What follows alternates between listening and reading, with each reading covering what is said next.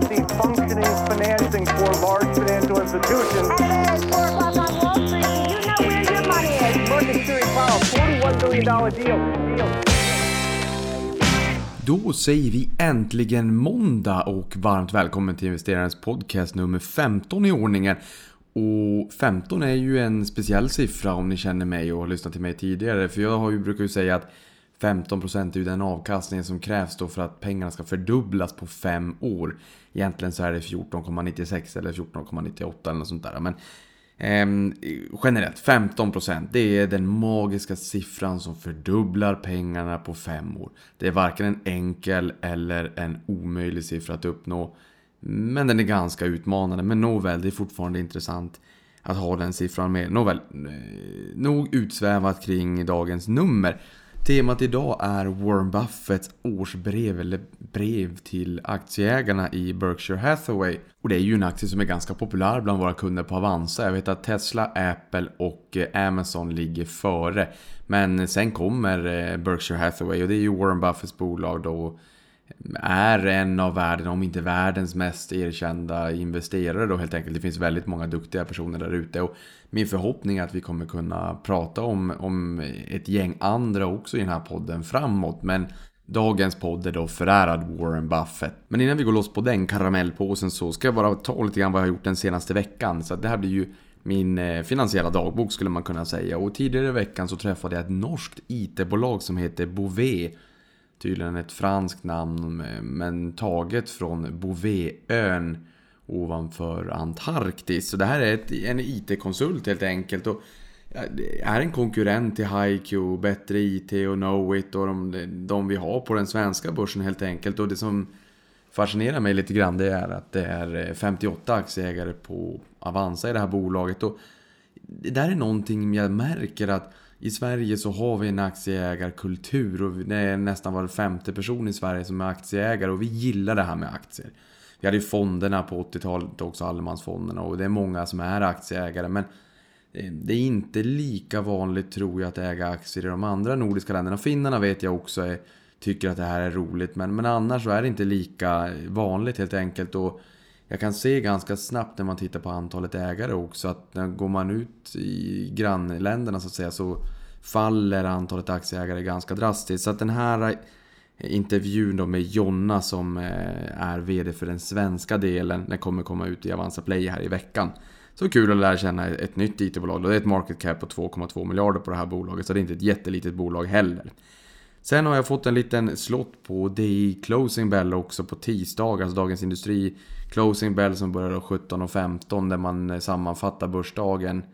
Det är en gäst då, eller några gäster varje dag helt enkelt. Jag har fått tre minuter, då kan ni förstå att tre minuter det är ju det är en av de största utmaningarna jag fått här i livet. Att kunna sammanfatta börsen på tre minuter. Vi får se hur det går med det. Sen är det i veckan både EFN och det är Avanzas årsstämma på tisdag den 20 mars. Och den kommer ju att webbsändas om det är så att stämman godkänner det. Så den kan man ju se antingen direkt då vid 15 eller strax efter 15 då helt enkelt. När, när och om det godkänns. Det bör ju eh, rimligen godkännas. Så kan man se det antingen direkt eller kanske då i efterhand på YouTube. Och sen är det ju uppesittarkväll på torsdag också. Och där har vi faktiskt, vi frågade på, på Twitter vad folk ville ha för tema den här månaden. Och då vart det helt enkelt gaming special. Och sen ville jag få, få till amerikanska småbolag också. Och gamingbolagen, det är ju många spelbolag som har varit intressanta, eller som fortfarande är intressanta, och även de lite större. Jag menar, vi har Activision, Blizzard, Electronic Arts i USA, även Take-Two som stora, Ubisoft i Frankrike, sen har vi THQ Nordic, Stillfront, eh, Paradox med flera i Sverige också. Det har ju gått väldigt bra för spelbolagen också den senare tiden och där kommer vi få in ett antal spännande gäster och försöka bli kloka också på hur, hur, liksom, hur ska man tänka när det kommer till spelbolag. Det har gått jättebra för dem hittills men det kanske inte betyder att det kommer gå sämre i framtiden även om man kan bli lite försiktig kanske när man ser utvecklingen den senaste tiden. Och hur ska man tänka kring, kring spelbolagen och vad är det som är hett? Är det PC-spel eller är det konsol eller är det mobil? Och, eh, ja, hur ska man tänka när man värderar dem helt enkelt? Så att ett, ett gäng spännande gäster kommer att vara med och sen har vi även de amerikanska småbolagen som gynnas ganska ordentligt av skattereformen då i USA när man sänkte då skatten från 35% ner till 21%. Så ett spännande tema, kväll, torsdag, dagen innan löning. Det är mellan 20 och 22 i vanlig ordning och den ser man på efm.se, YouTube eller Facebook. Så vi kommer livesända i alla de där kanalerna då. Eh, och det ser jag, ser jag verkligen fram emot. Sen kan vi också se på tisdag den 20, precis samma dag som årsstämman också, så får ju barn, kommer ju barnbidraget då för de av lyssnarna här som är föräldrar.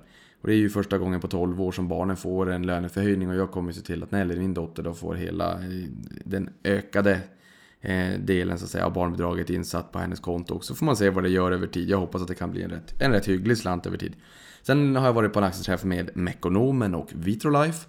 Mekonomen eh, tyckte jag ändå, så jag ställde lite frågor om hur man tänker kring elbilar och den elbilsutmaningen, eh, utmaningen, men man, det säljs ungefär 100 miljoner bilar på årsbasis globalt och säg en, en, två miljoner av dem är elbilar och problematiken här när man har verkstäder är ju att elbilar har betydligt mycket mindre rörliga komponenter. Vilket innebär att med slitage att det är mindre grejer som går sönder och det behövs mindre service helt enkelt. Samtidigt som det kanske inte heller är så att man kommer äga sina bilar i framtiden om man nu får tro det här med att det kommer vara bilpooler istället. Jag, menar, Ehm, jag har hört en siffra om att ungefär 5% av tiden, ja, det är ungefär där man eh, som är den, den, det, det riktiga kapacitetsutnyttjandet av bilen. Det vill säga 95% av tiden så står den bara. Och jag menar, personligen så kan jag faktiskt identifiera mig med det faktumet att ja, runt 95% av tiden så står min bil. 5% av tiden så använder jag den om jag åker till affären eller vad jag kan tänkas vara. Det är, det är ganska dyrt egentligen. Men det är lite grann en vardagslyx där om man får säga så. Men om det blir så då att man har bilpooler istället och inte äger bilen själv, vart kommer man då serva de här? Om det är så att Ford eller Volvo eller Saab, ja, Saab dåligt exempel. Ehm, Audi eller BMW eller vilken bil det än är. Jag menar, om de har flera tusen, tiotusentals bilar i en bilpool.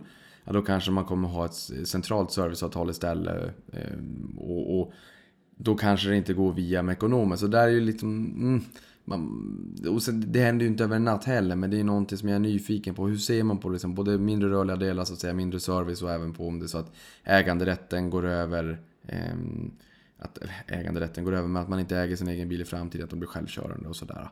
Sen eh, lyssnade jag även till Vitrolife och just det här med att eh, det är fler och fler människor som, som behöver hjälp alltså IVF-behandlingar för att kunna bli med barn. Jag menar, väntar man senare och senare i livet med att Eh, blir föräldrar så blir det ju svårare och svårare också att få barn och VD. Han tyckte att det nästan är oansvarigt att inte köra via IVF eftersom att då kan man välja bort ett antal tråkiga sjukdomar. Men ja, det är klart att det ställer ju ett antal etiska frågor också. En kuriosa som jag faktiskt tog med mig, dels är ju Kina största marknad för dem.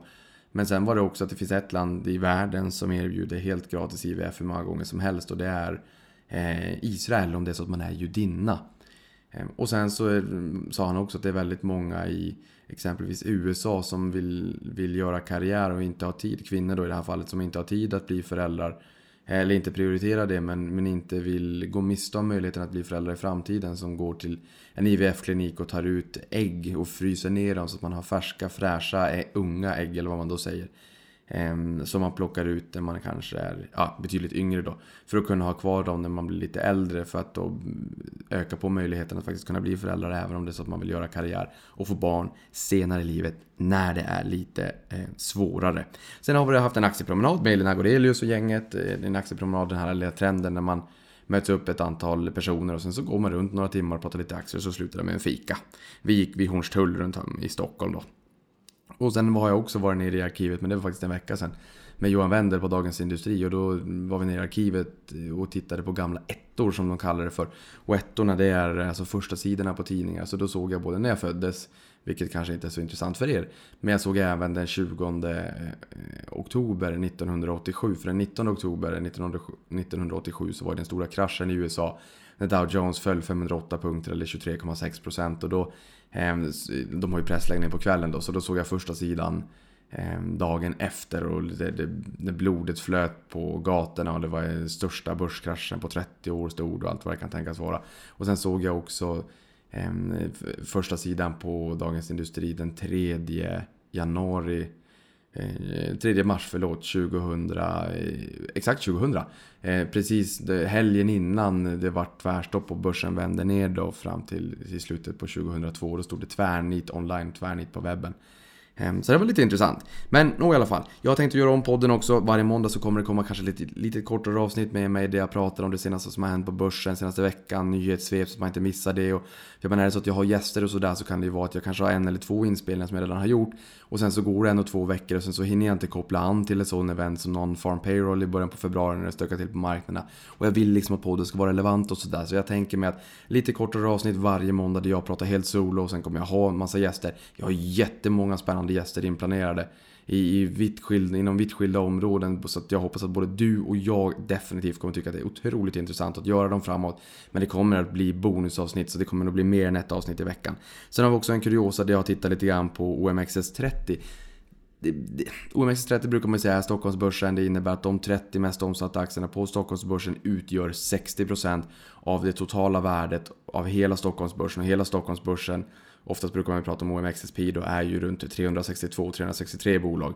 Men de här 30, det är ju giganterna. Det har inte gått så bra de senare åren, men då funderade jag, hmm, hur, vad innebär det ifall det är så att, att vi istället för OMXS30 som är värdeviktat, alltså de bolagen som är störst får störst vikt och störst påverkan på indexet. Om vi lika viktar alla dem, hur hade det sett ut då i sådana fall? Och då såg jag att year to date, alltså från eh, årsskiftet fram till idag när jag spelar in det här, det är ju Eh, söndagen den 18 mars eh, så har eh, ett eh, värdeviktat index OMXS30, det är ju värdeviktat då.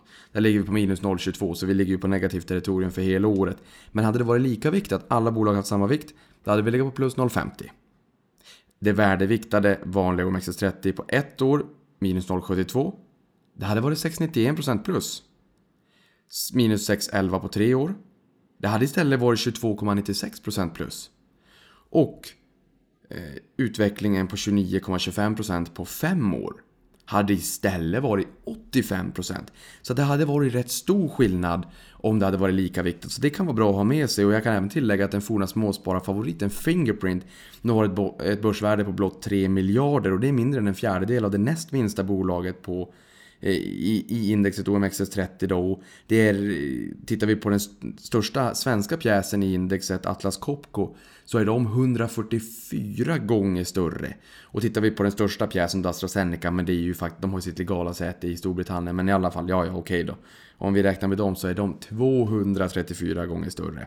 Men eh, nu lägger vi det åt sidan, för nu ska vi faktiskt prata Warren Buffett för hela slanten. Och där kan vi säga som så här att i slutet på februari så kom ju årsbrevet till aktieägarna och det har ju varit en helt fenomenal utveckling för aktien sen eh, Warren köpte det här bolaget 1964. Eh, och de här breven till aktieägarna har kommit ut årligen sedan 1965 då och nu 2017 kom han då för, för eh, några veckor sedan. Och då kan vi titta på de intressanta siffrorna för hur de har presterat under den här tiden. Och det bokförda värdet, alltså värdet på tillgångarna i bolaget under perioden 1965 till 2017 har stigit med 1 miljon 88 000 procent. Det är ungefär som att jag, vad har jag för tillgångar? Vad har jag för, hur mycket pengar har jag på banken? Hur mycket pengar har jag i aktier, i fonder, på bufferten? Och hur, hur mycket är min, bolo, eh, min bostad värd? Minus då om jag har eventuella bolån. Vad, vad är jag god för? Vad har jag för tillgångar? Så att tillgångarna har nästan stigit 1,1 miljon procent och sen 1965. Det här är ju ganska många år förvisso. Och det är 19,1 procent om året. Samtidigt som aktien har stigit 2,4 miljoner procent. 2 miljoner 404 748 om man ska vara exakt. Ehm, det känns nästan eh, petigt att lägga till de sista siffrorna men de är rätt stora de också. Vilket är 20,9 procent. Och eh, det intressanta här 1 088 000 procent var 19,1 procent om året. 2 404 748 procent som aktierna stigit är 20,9 procent om året. Det är en, en skillnad på 1,8 procentenheter om året men gör en enorm skillnad över tid.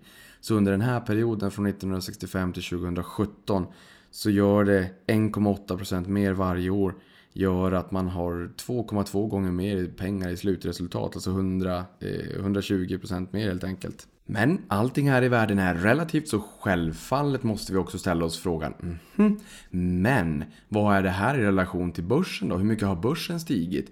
Ja, och tittar man då på eh, börsen, man kan titta på olika index. Det är indexet i USA som kanske har störst påverkan är väl egentligen Dow Jones som är de eh, egentligen blue chip-bolagen, de stora giganterna. Det är liksom äldsta indexet 1896. Det är, liksom, det är ju eh, uråldrigt det här indexet. Men också ganska, ganska konstigt i hur man beräknar det. Nåväl, det kan vi ta en annan gång. Det kommer jag ta på Uppesittarkväll och berätta lite grann om varför det är konstigt för de av er som inte har lyssnat till mig tidigare. Det har förklarat det. Men tittar vi på S&P 500 då som är de 500 största börsbolagen i USA. Så har de stigit, eller det indexet har stigit 15 508 procent under samma period. Och det är 9,9% om året. Så det är en ganska stor skillnad här. Det är, det är liksom dubbla avkastningen. Eller lite mer än dubbla avkastningen och det gör ju en enorm skillnad. Så från eh, den siffran som jag sa tidigare, så 2,4 miljoner procent istället då för 15 508.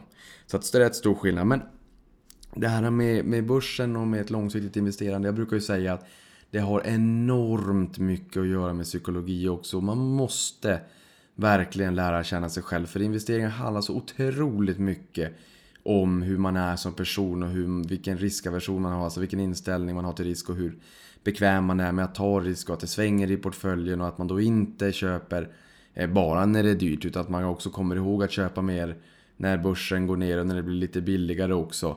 Ehm, och, och, faktiskt vågar och inte får ont i magen. Och när jag säger att när, när börsen går ner och att det blir billigare, ja det är ju givet samma vinstnivå då såklart. För jag menar faller vinsterna, ehm, då, då, spelar det liksom ingen roll eh, att aktierna faller. Ehm, men, men, man måste våga vara långsiktig och här vill jag skicka med en, en, en liten, eh, ska vi säga, Ehm, ett medskick som Warren har där han har pekat på att även deras innehav har sjunkit ganska mycket från tid till annan. Och några perioder från mars 1973 till januari 1975, så nästan eh, två år, så såg de en nedgång i portföljen på 59,1%. Sen hade vi också från eh, mars 87 till oktober 87 hade vi en nedgång på 37%. Sen 98 till år 2000 hade vi en nedgång på 48,9%. Det här är ganska intressant för att den här nedgången år 2000 det var från den 19 juni 98 till den 10 mars 2000. Och den 10 mars 2000, det var ju precis den dagen som börsen började vika ner i Sverige efter IT-hosen Och där vände vi på hösten 2002. Eh, dessförinnan hade alltså Berkshire Hathaway redan fallit 48,9%. Sen hade vi också då i september 2008, alltså efter Lehman Brothers kollaps till, till eh, mars 2009, då var det en nedgång på 50,7%. Och det han menar med det här, dels menar han på att man ska vara väldigt försiktig med belåning. Eh, men att man också måste tåla att eh, aktierna faktiskt faller ibland. För jag menar den här fenomenala avkastningen som jag pratade om alldeles nyss. Det är ju inklusive alla historiska dippar som har varit på marknaden. Och de här fyra som jag har rabblat upp här nu då, det är ju de fyra som Warren tycker har varit extraordinära i ett historiskt perspektiv i portföljen. Och när han menar att man ska vara lite försiktig med belåning. Ja, det är ju så då att om du har Säg att du har eh, investerat 100 kronor. Men 50 kronor är dina egna pengar och 50 kronor är lånade pengar. Jag faller börsen 50% då kommer ju dina egna pengar, ditt eget kapital kommer att vara helt utraderat.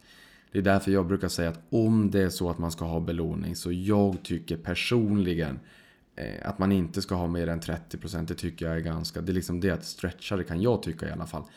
Och det innebär att om du då har 30% belåning och börsen faller, din portfölj eh, i slutändan faller 50% ja, då kommer belåningen stiga från 30% upp till 60%. Ehm, så att man, man är lite försiktig. Sen kan jag också tycka att det kanske kan vara vettigare att plocka på sig lite belåning när börsen har fallit kraftigt. Än att eh, använda belåningen när börsen har gått upp under lång tid och det, när värderingarna är ganska höga. Det där är såklart, det där får man bestämma helt själv. Men det kan ju vara en, en, en sån där bra Eh, bra tips att ha med sig. Men vi ska göra så här också, att vi ska lyssna på en intervju i CNBC eh, när eh, de intervjuade Warren Buffett efter de hade släppt det här, eh, eller årsredovisningen och årsbrevet till aktieägarna. Vi lyssnar in på det. Berkshire Hathaway's chairman and CEO Warren Buffett is with us. And, and, Warren, you're here, or we're here, I should say. We're here in Omaha because you just put out your annual letter to shareholders, and you've sat down with us for uh, seven or eight years at this point, and, and let us come out and have viewers read your letter, have questions about that, and then get the chance to talk to you about it. And this is the 53rd letter to shareholders I think that it's the you've written? 53rd, yeah. All right, so the 53rd annual letter, and this one was a little different. You actually broke with some of the formatting that you've been doing for years now, where you lay out and go through each of the companies and tell us how they're doing. Why, Yeah. why did you decide, decide to shake things up after Well, 53 years? I'm 87. Maybe I'm in my second childhood, going at it a different way. And it, uh, I just felt we'd sort of worn out that format, and there was quite a bit of information that I would put in the letter that was repeated in the 10K. So we just append the entire 10K, and and uh, uh, and you're right, it's it's probably 60 or 65 percent as long as uh, previous letters. Yeah, which is uh, look as somebody who doesn't like change on any level, I'm amazed to see you doing this. So, yeah, like throwing it right out the window and going with it. But let's talk about some of the big news items that come right at the top of the letter. The first is that there's a $65.3 billion increase in net worth for the company in 2017. 29 billion of that comes from the tax changes from the U.S. government making those tax changes. Right. Why don't we dig into that? Explain Sure. what that means. How significant is that? Well, there were two primary items, but they both re- reduced a deferred tax liability. We had about 100 billion of unrealized gain in equities. Now, when they're sold, you pay tax on that. And and previously, when the tax was 35%, we would have had a $35 billion reserve for taxes against that as a liability. That would drop to about 21 billion. So 14 billion, roughly, uh, was a reduction in the amount of tax that when we sell those securities, we will pay. It wasn't cash now, but it reduced the liability. When you reduce the liability, the net worth goes up. And the other important point related to the same thing, deferred income taxes. When we buy some kind of fixed asset, locomotive or whatever it may be, we're entitled in, in, in previous years to 50% depreciation in the first year. And let's say it's going to last 10 years to make it last longer, not make it easy. Well, you would normally, on a book basis, depreciate at 10, a million dollars a year on a $10 million asset over 10 years. For tax purposes, you've got to have what they call bonus depreciation and take 50% of it the first year, $5. So you're going to get the same amount of depreciation over time, but you got the tax deduction earlier, and that became a deferred tax. And we have a lot of that. Uh, we've got it in the railroad, we've, uh, we've got it in multiple places. Uh, the amount that was saved with the utility companies goes to the customers. So that was about six billion, and we gave we set that up as a liability because that will go to the customers. But the amount that related to the the normal, you know, the locomotives or whatever it may be, uh, we got a reduction because that depreciation will take later on, which uh, for book purposes we've already taken for tax purposes, will will come and be taxed at 21% instead of 35%. Those are the two big items. You, you were not a proponent of pushing through this tax reform, but you have talked pretty extensively about uh, what, what it's going to mean for American business. It is a huge tailwind for it's American business. It's a huge tailwind, and it's particularly a tailwind if you've got, uh, particularly for companies that have had lots of depreciation and taken bonus depreciation up front. So it, it's a it's a big item uh, there. Not as many companies have lots of appreciation in marketable securities, but it's a big item for those that do. What, what, what will it mean for American business overall? And, and uh, as a, a positive of that, what will it mean for the economy over the next year and over the next several years? Well, it, it certainly means corporations will pay quite a bit less in tax than they otherwise would, and because the ongoing rate is 21% instead of 35%. So forget about these changes that apply to the past. When we make money in in in, in 2018 uh, domestically and subject to a lot of little things here and there, but basically we'll be paying at 21% instead of 35%. So that's a lot of money, and and uh, uh, you know, we, we haven't really gotten cash yet from this, but we will save cash as we go along. Now, I do not think we're undertaxed or overtaxed. yeah. Excellent. Uh, Warren, let's talk about another big change that you mentioned in the letter, too. And this is about accounting change that's going to come. And, and, and it's going to make your results a little uh, tougher um, for individuals to really realize what's happening on a, on a uh, actual basis with the companies, how Yeah. the companies are performing. What, what is that accounting change? And it's accounting. It sounds boring, but I think it's important. But it is important. Yeah. I mean, we will report, uh, well, we would have reported, I don't know how much more, maybe 15 billion or something like that, more income last year than we did under the rules that have just been adopted because they are going, the accounting profession requires that we now run gains or losses unrealized, just as our stocks go up and down. We run those through the income account. So here we're running a normal business like the railroad, and, and you're interested in how that does on an operating basis. But we have 170 billion dollars of stocks, and they might go up 10 billion and a quarter and down or down 10 billion. We formerly always re- reflect that in the balance sheet. Now it has to go through the income account. So you're going to see a bottom line net income figure, which really has no relevance to operating results. And uh, uh, and you know, people will look at the report and they look at the bottom says net income.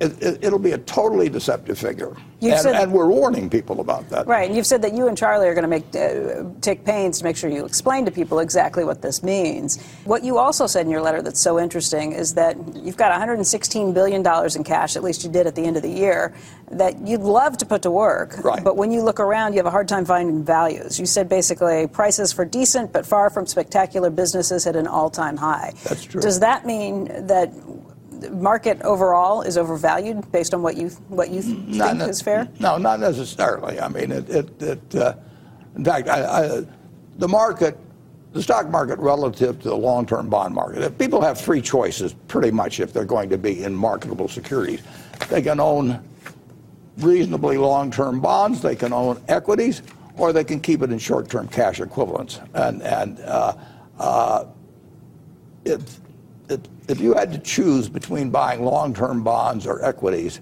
uh, I would choose equities in a minute now. You would choose equities in a minute. There yeah, that doesn't mean I think the stock market is going to go up or anything else. But if if I were going to own a 30-year government bond or own equities for 30 years, I think equities will considerably outperform that 30-year bond over the 30 years. I don't know what they're going to do in any day or week or month, but I think that that uh, I've thought it for a long time, and and uh, uh, we can talk more about that later, but it.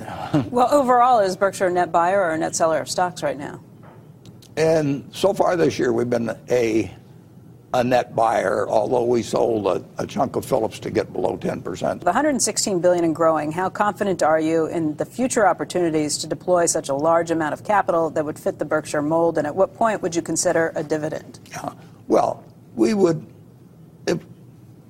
I'm, fairly confident that, we'll find ways to deploy money. I mean, we are deploying money right now, but, but we'll get a chance as we go along based on history.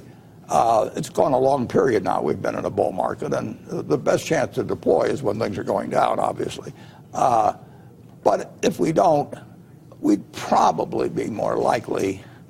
It would depend on the price of the stock entirely, but the inclination might be more toward repurchase than, than dividends because dividends have that implied promise that you keep paying them forever and not decrease them and so on. Whereas repurchases, assuming the price of the stock is such that continuing stockholders benefit from the repurchase. We would probably lean toward repurchase. Ja, det var en intressant intervju och lite intressanta hållpunkter att få med sig. Och jag menar, värdet på bolaget steg 536 miljarder kronor förra året, men en stor del av den här värdestegringen kom faktiskt inte från bolagets egna prestation. Man kan säga att 295 miljarder av de här 536, det genererades operationellt. Eh, Medan 241 miljarder, alltså ganska mycket pengar, kom från skattereformen som beslutades i kongressen. För det är ju så att tidigare så var ju skattenivån i, i USA eh, för bolag 35%. Den ville man få ner till 15% så blev det inte. Men man fick ner den från eh, 35% ner till 21%. Och det här är ju någonting som påverkar bolagen i rätt stor utsträckning faktiskt. Och det är ju också en av anledningarna till då att vi kommer att ha eh, amerikanska småbolagstema i uppesittarkväll nu på torsdag också. För att de mindre bolagen påverkas ju i större utsträckning i och med att de har en större del, om inte hela eh, delen av sin försäljning i USA. Så att de påverkas ju rakt av Eh, av skattesänkningen. De springer på löpbandet och det man har höjt upp hastigheten jättemycket. Så om det är så att man vrider ner hastigheten eller skattenivån då så kommer det innebära att det blir betydligt mycket lättare för de här bolagen. Det blir mer pengar kvar på bankkontot givet varje vinstkrona i och med att skatten blir lägre medan de amerikanska storbolagen ja, man skulle kunna säga att de har sprungit på löpande i samma hastighet men bara med ett ben. Det andra benet har varit utomlands eh, och har inte alls haft samma beskattningsnivåer. Så att de mindre bolagen påverkas i större utsträckning, men menar, här ser vi ju i Berkshire Hathaway också att 295 miljarder eh, som genereras av bolaget. Det är liksom bolagets egen prestation. Men 241 miljarder, det är ganska mycket. Det är mer än hälften av värdet på, på det, det, det största börsbolaget vi har i Sverige, Atlas då. Eh, sen ska man inte, sen, ja, jag vet inte om det är flummigt att sätta det i relation, men bara för att ge någon form av hum att eh, koppla an det till. Det är en ganska stor påverkan helt enkelt med den här minskade skatten och den påverkar ju faktiskt framåt. Det här är ju liksom en lägre skattesats varenda år framåt i evig tid för de som är långsiktiga aktieägare. Så det här är såklart det är, det, det, är, rätt, det är en rätt stor grej i USA. Eh, och Warren Buffett eh, varnar även för nya redovisningsregler som eh, tvingar dem att redovisa orealiserade vinster och förluster. Vilket kan komma att störa jämförelserna framgent. För att tidigare så har man gjort så att man har redovisat de värdena som man har realiserat när man har sålt innehav i, i portföljen. Men nu kommer man då alltså att behöva redovisa hur Eh, innehaven i deras aktieportfölj fluktuerar över tid alldeles oavsett om de är realiserade eller inte. Ungefär som du och jag sitter och tittar på vår aktieportfölj från dag till annan och sen kan väl någon sagt ja men man har inte gjort en förlust och man har inte sålt och man har inte gjort en vinst och man inte har sålt. Det kan jag ju tycka ändå för att om man är långsiktig och inte ska sälja men jag ser ju värdet varje dag hur det fluktuerar och det, jag, jag eh, räknar ju med det värdet som är i slutet på varje dag. Ja, men det är ju det jag har. Eh, men i det här fallet så tycker ju då Warren och Charlie att det här blir ju inte riktigt rättvisande och det är inte så här man har redovisat det tidigare heller. Och har man en rätt stor aktieportfölj så kan det ju värderingsmässigt eh, svänga ganska mycket. Och man tycker att det blir lite sådär eh, svår, svårt att, att relatera till och, och, man tror också att media kommer ha lite svårt att plocka på och förstå det här då helt enkelt. Så det kan väl ändå vara bra att ha med sig, det kan jag väl tycka. Eh, men de pekar ju på att det finns fyra sätt som de tycker eh, skapar värde för Berkshire Hathaway. Och det är ju antingen ett stort standalone förvärv, alltså att man går in i ett nytt bolag. Det gjorde man ju med Apple kan man ju säga. Och det man letar efter i det fallet i sådana fall, det är bolag som har hållbara konkurrensfördelar över tid. Och sen när jag säger hållbar, det är alltså att man har någon form av konkurrensfördel som gör att man är lite, lite ogenomtränglig för konkurrenter och har lite moats eller de här vallgravarna vet du inte vad det är så kan jag tipsa om att det, googla på vallgrav eller economic moat och, och läs in det lite grann på det. För det är ganska intressant och spännande och ha en liten förståelse för hur man kan köpa in sig i bolag som har någonting som gör att andra konkurrenter har lite svårt att rakt av kopiera affärsmodellen och kanske också borga för att de här bolagen, den här investeringen kommer vara vettig över tid. Så det är ju någonting som Warren då vill ha, att det är ju hållbara konkurrensfördelar över tid. Sen ett bra management, alltså en bra ledning, bra människor som driver bolaget. Och han vill ju också, ha sagt tidigare, att man bör hitta bolag som kan drivas av en idiot. För förr eller senare kommer en idiot att driva bolaget. Men det till trots så är det ju inte fel att eh, äga aktier eller köpa bolag som har en, en bra ledning helt enkelt med hjärtat på rätt plats. Sen vill de också ha en god nettoavkastning på materiella tillgångar som behövs i verksamheten. Och det här är ganska intressant. För jag menar, det är klart, vi i Sverige och vi i spar-communityt, eh, vi tycker att det är intressant att kolla på vad har man för räntabilitet på det egna kapitalet. Men här går man ju ett steg längre och säger att ja, men det är inte kanske räntabiliteten på det egna kapitalet enkomt isolerat som är intressant. Utan vi vill ju ha räntabiliteten också på det, det materiella eh, kapitalet helt enkelt. Alltså inte det immateriella. Eh, och när man pratar om immateriellt, jag menar det är ju kan ju vara patent och, och, varumärken och andra typer av rättigheter. Utan här så, skriver man då explicit i, i, i, rapporten här att det just är de materiella tillgångarna som, eh, som det, då behövs i verksamheten för att driva den.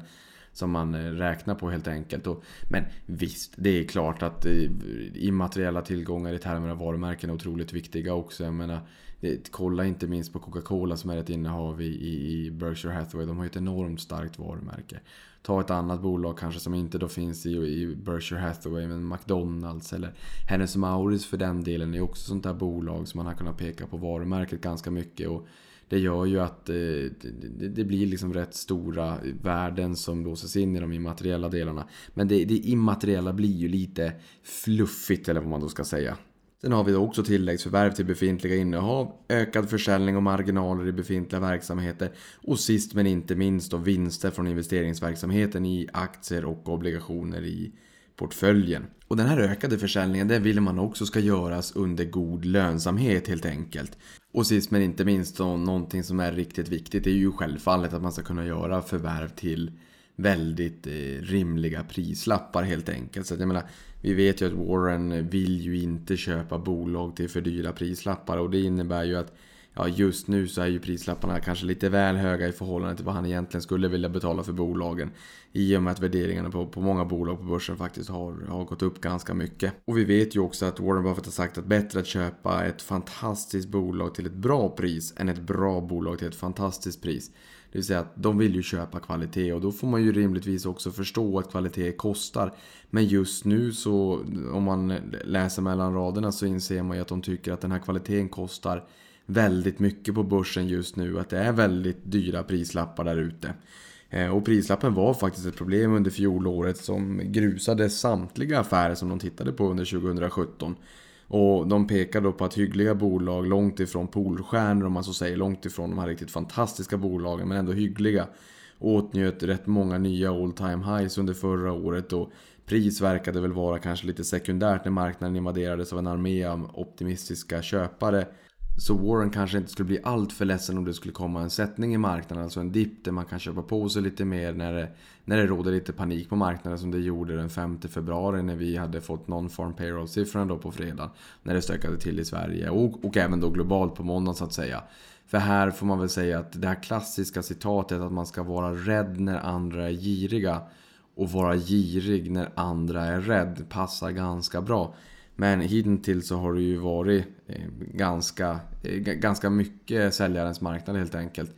Eh, och många har velat betala väldigt mycket. Och jag menar, här kan man väl säga att köpa på dippar har ju funkat historiskt i alla fall den senare tiden. Sen vet vi ingenting om framtiden men jag kan ju tycka att om det är så att man har aktier i sin portfölj så man vet, att, man vet varför man äger dem, man vill äga dem långsiktigt, man är konfident och man är bekväm med innehaven. Då är det ju egentligen inga konstigheter att, att köpa på sig mer på dipparna. För jag menar, annars så skulle man ju, tror man inte på bolaget så ska man ju inte äga det överhuvudtaget. Nu kommer det många Warren Buffett citat men är du inte beredd att äga ett bolag i 10 år så ska du inte äga den i 10 minuter ens. Ehm, så att jag menar, sitter du på innehav i portföljen och det kommer en dipp på marknaden, ja men då passar det väl alldeles utmärkt att köpa på sig mer. Jag menar, här ser vi ju också att det är förmodligen någonting som, som eh, Warren och Charlie hade, hade gjort. I, i och med att de då tycker att eh, prislappen är, är ganska hög just nu. Och det är ju någonting som en, en sättning eller en oro i marknaden skulle råda lite bot på. Och de frågar sig lite grann också var den här köpfrenesin kommer ifrån och han menar att stereotypen av en VD är ju en can-do opportunist. Och liknar scenariot där Wall Street eller styrelsen i ett bolag önskar förvärv med sexlusten hos tonåringar.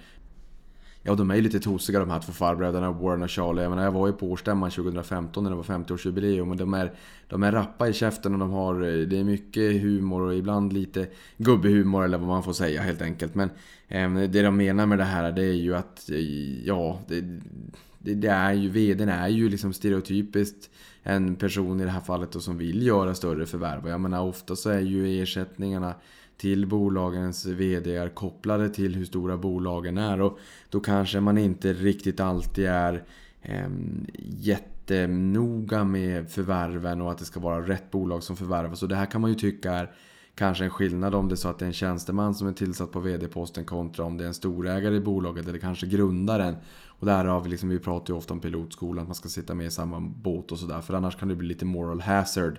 Eh, och moral hazard i, i skolboken så var det ett exempel där man skulle springa och hämta en kopp kaffe till läraren och för det fick man betalt 5 kronor. Ja men det är klart att då sprang man ju och hämtade en kopp kaffe till läraren och fick sin 5 kronor men man träffade lite kompisar på vägen tillbaka och så stannade man och pratade med dem och sådär. Ehm, och, och, det innebar ju att då vart ju den här kaffekoppen, den blev ju kall när, när man kom tillbaka till läraren och han skulle dricka. Så att en latte vart ju en islatte. Men om det är så att man kopplade på då en femkrona för, för att komma och hämta koppen kaffe men villkorade det med att det skulle vara med, inom en viss tid eller kanske till och med kopplade på en bonus till det här. Ja, då fick man den ju mycket snabbare sådär. Och där pratar man lite om moral hazard. Och det är ju klart att det blir ju lite jobbigt om det är en VD som är eh, opportunistiskt lagd helt enkelt. Vill växa bolaget, vill visa framfötterna, vill visa att man kan, kan, kan växa verksamheten och också där, där, där liksom lönen är kopplad till eh, storleken på bolaget helt enkelt. Jag menar, I USA så har, är det rätt ofta som ersättningar kan vara ganska stora. Jag såg här att eh, nu blir det här lite en utsvävning men att man eh, faktiskt tackade nej eller röstade ner förslaget om att eh, Bob Iger i, i, Walt Disney skulle ha en ersättning på 3,5 miljard kommande fyra åren. Det är ju helt galna pengar egentligen. Det, ja, det, det, går liksom inte att säga någonting om det då helt enkelt. Men någonstans där de har en ganska fin poäng som jag tycker, det är när de säger då att en, när en VD väl har bestämt sig för att sätta upp ett förvärv på agendan så kommer man att hitta prognoser som understödjer det här caset alldeles oavsett man blir ju lite grann biased om det är så att man, man bestämmer sig för att vi ska köpa ett bolag. Då kommer man ju hitta det caset, de prognoserna, all, all den information som ligger i linje med det man har bestämt så att säga. Så man kommer ju bara se det positiva och kanske inte det negativa. Så att har man förvärv på agendan så hittar man prognoser som understödjer caset. Och VDns ersättning är som sagt ofta kopplat till storleken på bolaget. Och investment bankers på Wall Street, de vittrar ju bonusar och arvoden likt hajar vittrar blod på i, i, i liksom, i revet om det är någon liten skalad fisk sådär. Och de kommer ju inte avråda från att köpa det här bolaget även om de tycker att det kanske inte är den bästa idén. Men de kommer ju inte säga att nej men hörru du, nej, man ska, ni ska nog vänta med det här. Det kanske inte är så smart ändå. För jag menar bonusarna de, de ska ju komma in hela tiden och marknaden är ju rätt kortsiktig till sin natur. Och det är väl lite grann som de pekar på då här i, i, i, brevet att det är ju som att fråga frisören om du borde klippa dig. Du vet ju liksom svaret redan från början, de är ju jäviga.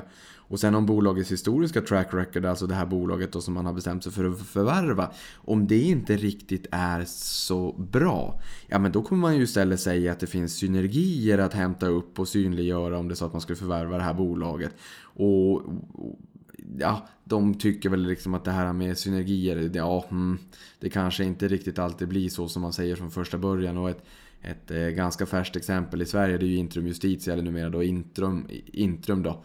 Eh, när man gick samman med Lindorf så sa man att det skulle vara ett stora synergier och sen så kanske det inte riktigt blev som man sa. Jag hade gärna sett statistik historiskt på hur, hur ofta det är så att man synliggör värden och faktiskt får de här synergierna som man säger när man eh, går ut med ett pressmeddelande och säger att man då ska, ska köpa någonting och att det är fina synergier i en affär. Och hur många gånger det är så att synergierna överstiger prognoserna. Eh, jag kan tänka mig att det snarare är att de understiger men att det tar några år så att säga, innan, innan det materialiseras och då kanske man hinner smeta över där liksom och sopa lite grann under eh, mattan helt enkelt. Och sen har vi också billig finansiering som är en katalysator och även då bolag som köps på höga värderingar med billig finansiering. menar, det kommer ju ändå driva på vinstutvecklingen. För att värderingarna på bolagen man köper kan ju vara högre om det är så att man kan göra det med billig finansiering. Jag menar, det här gör ju att konkurrensen på marknaden när man ska köpa bolag blir större. Och det här tycker de har varit jobbigt helt enkelt. Och en intressant eh, liksom, lite sån där kuriosa är att Berkshire Hathaway, bolaget här då, de gör alltid sina analyser, sina case, de byggs på eh, att man köper bolaget för 100% liksom cash. Det är eget kapital man räknar på. Man räknar inte på att det här blir en lönsam affär om vi har så här och så här mycket belåning utan man räknar helt och hållet på skuldfri basis. Ehm, och sen så medger de i och för sig, Warren säger att den, deras försiktiga inställning till belåning har minskat avkastningen över tid. Men att de sover gott om natten och tycker att det är galenskap att riskera vad man har för att erhålla någonting som man kanske inte behöver. Eh, och då kan man också koppla an till det här exemplet jag sa här i början då. Eh, att om eh, marknaden viker ner kraftigt så kommer det slå ganska hårt mot en portfölj om den är kraftigt belånad. Sen kan vi säga att bolagets tre största innehav är Kraft Heinz men förutom det så är det Wells Fargo, Apple och Bank of America. Och sen sist men inte minst så tycker Warren att det är helt käpprätt att vikta portföljen mellan aktier och räntor om man är långsiktig så som man gör ofta idag. Ofta brukar det vara så här, hmm, ja men vad här, vi, vi tar en blandform, hur mycket räntor har vi, hur mycket aktier har vi så att säga. Och, och, och aktierna kanske blir cayennepeppar och räntorna kanske blir matlagningsgrädde då. Eh, och sen så har vi en mix däremellan. Men det där förkastar han helt och hållet, speciellt om det är så att man är långsiktig. Och han anser att risken är högre att äga obligationer om man är långsiktig då. Eh, och pekar på det faktum att obligationer med investment grade-betyg, alltså med, med högst, eh, god kreditvärdighet, ändå har gett en negativ avkastning under perioden 2012 2017 om det är så att inflationen bara har legat på 1%. Så att det behövs inte speciellt mycket för att göra att obligationer faktiskt har, har gett en, en negativ avkastning. Och ja, det är väl kanske som eh, Börje Ekholm då, Investors förra VD nu då på Ericsson har sagt att den största risken långsiktigt förmodligen är att stå utanför marknaden helt enkelt. Det har varit eh, en liten sammanfattning på årsbrevet i Warren Buffett. Jag skulle vilja tipsa om att gå in på berkshirehathaway.com och läs de här årsbreven. De har ju, då några stycken att läsa från 65 fram till 2017 då, men det finns ju alltid något matnyttigt att ta med sig och de här ges ju ut en gång om året. Så att det, det, det, var liksom min lilla sammanfattning här, så nu tycker jag att nu går vi in på nyhetssvepet. Och då vill jag börja med att gratulera investmentbolaget AB Spiltan som för första gången sett sin aktiekurs notera 10 000 kronor per aktie. Så jag säger happy ATH Per och Börjesson och gänget. Själv köpte jag min aktie på 705 kronor här för ett gäng år sedan och nu noterar jag då att inför nästa handelsperiod så är substansrabatten 26% och det är ju en stor exponering mot spelbolaget Paradox och det är också en stor anledning till varför aktien har gått så bra de senare åren. Så att jag menar, det är klart att man, man kan köpa in sig i den här portföljen och antingen känna att man får en stor substansrabatt eller att man köper Paradox eh, men får resten av portföljen nästan då på köpet. Men eh, då ska man ju också veta att det är ju månadshandlad den här så att säga. Så att risken är ju lite högre. Substansrabatten ska väl vara eh, ska finnas där i alla fall. Sen hur hög den ska vara, ja, det, det är ju en fråga man får ställa sig själv. Sen har vi Clas Olsson som är ner 46% sen toppen den 30 maj 2016 tillbaka på nivåer som man faktiskt såg för första gången eh, på tidigt 2000-tal. Och här skrev Dagens Industri i början på veckan att millennials fokuserar lite mer på upplevelser snarare än materiella ting och undrar lite grann om det är så att vi har sett en prylmättnad. Och det här kan ju vara ganska intressant och det här är något som jag vet att man pratar mycket om i USA också att millennials snarare fokuserar på upplevelser. Och det här kan ju vara ganska intressant att liksom ta an det här lite grann. Att ska det vara resor, ska det vara liksom kryssningar och kryssningsbolag, eh, resebolag och allt vad det kan tänkas vara. Eh, för jag menar, våra, de som är födda på 10, 20, 30-tal, 40-tal kanske, då var det ju mer det här materiella. Men nu har vi liksom den materiella standarden, vi har mångt och mycket prylar så att det står upp över öronen på oss. Och vi ser ju att den yngre generationen har börjat ändra beteende lite grann. Och det här är något som vi verkligen måste tänka på, för att de är ju framtiden helt enkelt. Och aktier är ju framåtblickande. Sen har vi MQ också som bjöd på eh, en riktig kalldusch försäljningsmässigt och pekade på att fysiska butiker backade minus 6,4% här i kvart, senaste kvartalet och ett kallt vårväder har stökat till vårkollektionen lite grann och den eh, jämförbara försäljningen för MQ minskade 10,9%. Ganska mycket och alltså även då mer än marknaden. Eh, och bolaget gör en förlust i kvartalet och Kristina Ståhl pekar på att omställningen i branschen vdn då eh, påverkar bolaget på ett sätt som de varken är van vid eller speciellt nöjd med heller. Men vi såg även i H&M också som även de eh, bjöd på en kall dusch helt enkelt. Men det har vi varit van med under den senare tiden, tyvärr. Ehm, sen har vi Spotify som kommer att börsnoteras på New York Stock Exchange 3 april. Och här säger man då att fjolårets intäkter uppgick till 41 miljarder och rörelseresultatet var en förlust på 3,8 miljarder. Samtidigt som de har 71 miljoner betalande användare och 159 miljoner användare totalt. Sen har vi Nordea, flyttat huvudkontoret till Finland. Något som eh, kanske borde ge någon eller några politiker lite bakläxa om vad man kommer, eller vad som kan hända då.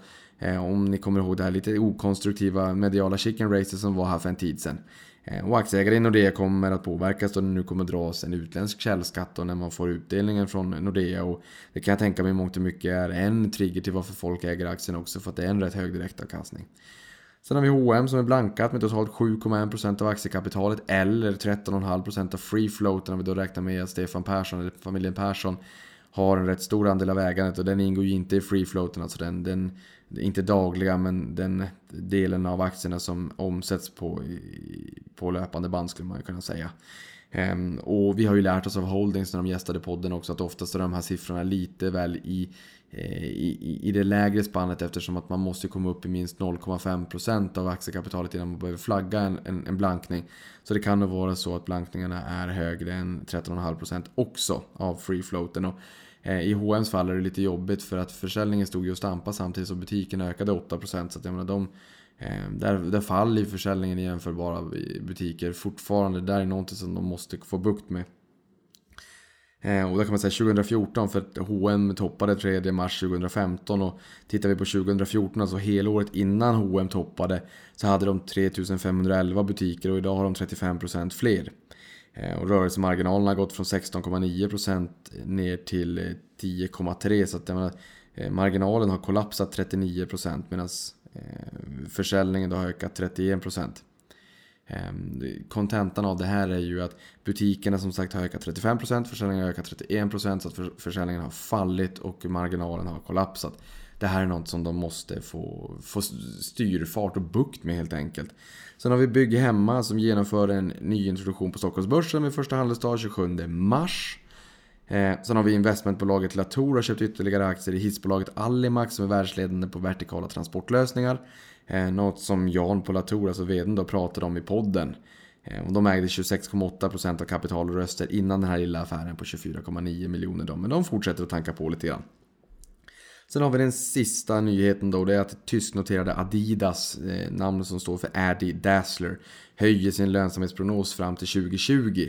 Vinsten springer snabbare än skorna skrev jag på Twitter för att estimatet, alltså förväntan på den årliga vinstökningen, ligger nu i spannet 22 till 24% om året mot tidigare förväntan på 20 till 22, så lite högre. Och sen föreslår man en höjning av utdelningen med 30% också då. P-talet ligger på 21,3 för 2018 och historiska snittet är 25. Aktien steg 11% på nyheten. Det här var något som föll investerarna i smaken.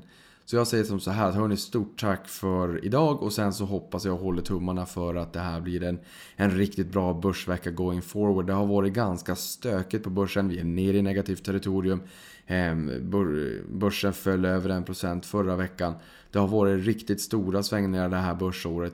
Ehm, det har inte alls, det har liksom varit riktigt stora slag, ganska stora procentuella uppgångar, stora procentuella nedgångar i inledningen av de här första 11 veckorna av det här året. Så var det inte alls under fjolåret. Vi får se om rörelserna fortsätter och för de av oss som är långsiktiga så kan man ju försöka passa på att köpa lite mer i dipparna i de bolag man vill äga långsiktigt.